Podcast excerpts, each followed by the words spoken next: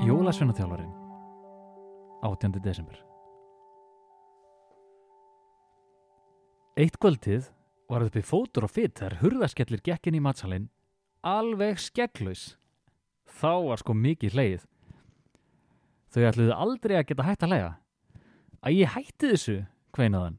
Ég glemdi alveg hvað mánuður væri og rakaði mig í morgun. Nú hlói hinnir ennþá herra. Ég neyðist vist til að vera með gerfiskegg þessi jólinn. Þú ættir að fá kartubl fyrir þetta, rópaði eitt sveitin. Nei hei, þá gef ég bara sjálf mér súkulega í skóin í staðinn. Ætli þú gleymir því þá ekki bara í skónum og stýr á það, var svarað að bræði. Jólasveinanir skiptist á að gera grín og segja brandara og hlóu hverja öðrum á meðan í dágóða stund.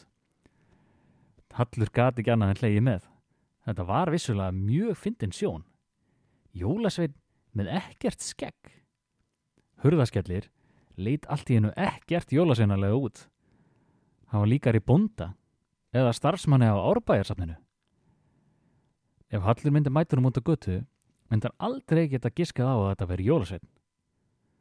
Kanski hafði Hallur oft mætt jólasveinum áður.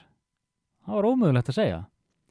Ef þeir líta svona út án skeggs og ef þeir væru kannski bara líka venjulegum fötum, þá myndi Hallur aldrei fatta að þetta veri jólasveinar. Hvað er kennarinn ens var jólasvein? Eða sundlegarvörðurinn? Eða strætabilsturinn? Eða afgreiðslumadurinn í búðinni? Eða afans? Nei, djók. Afans var ekki jólasvein. Hann var jólasvein að þjálfari.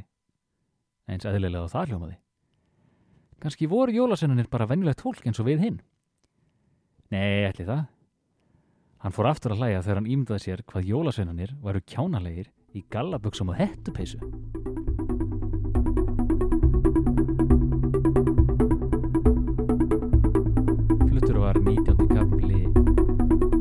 Jóladagatalsins um jólasveinaþjálfaran eftir Egil Haldursson. Þykist útvarpið 2021.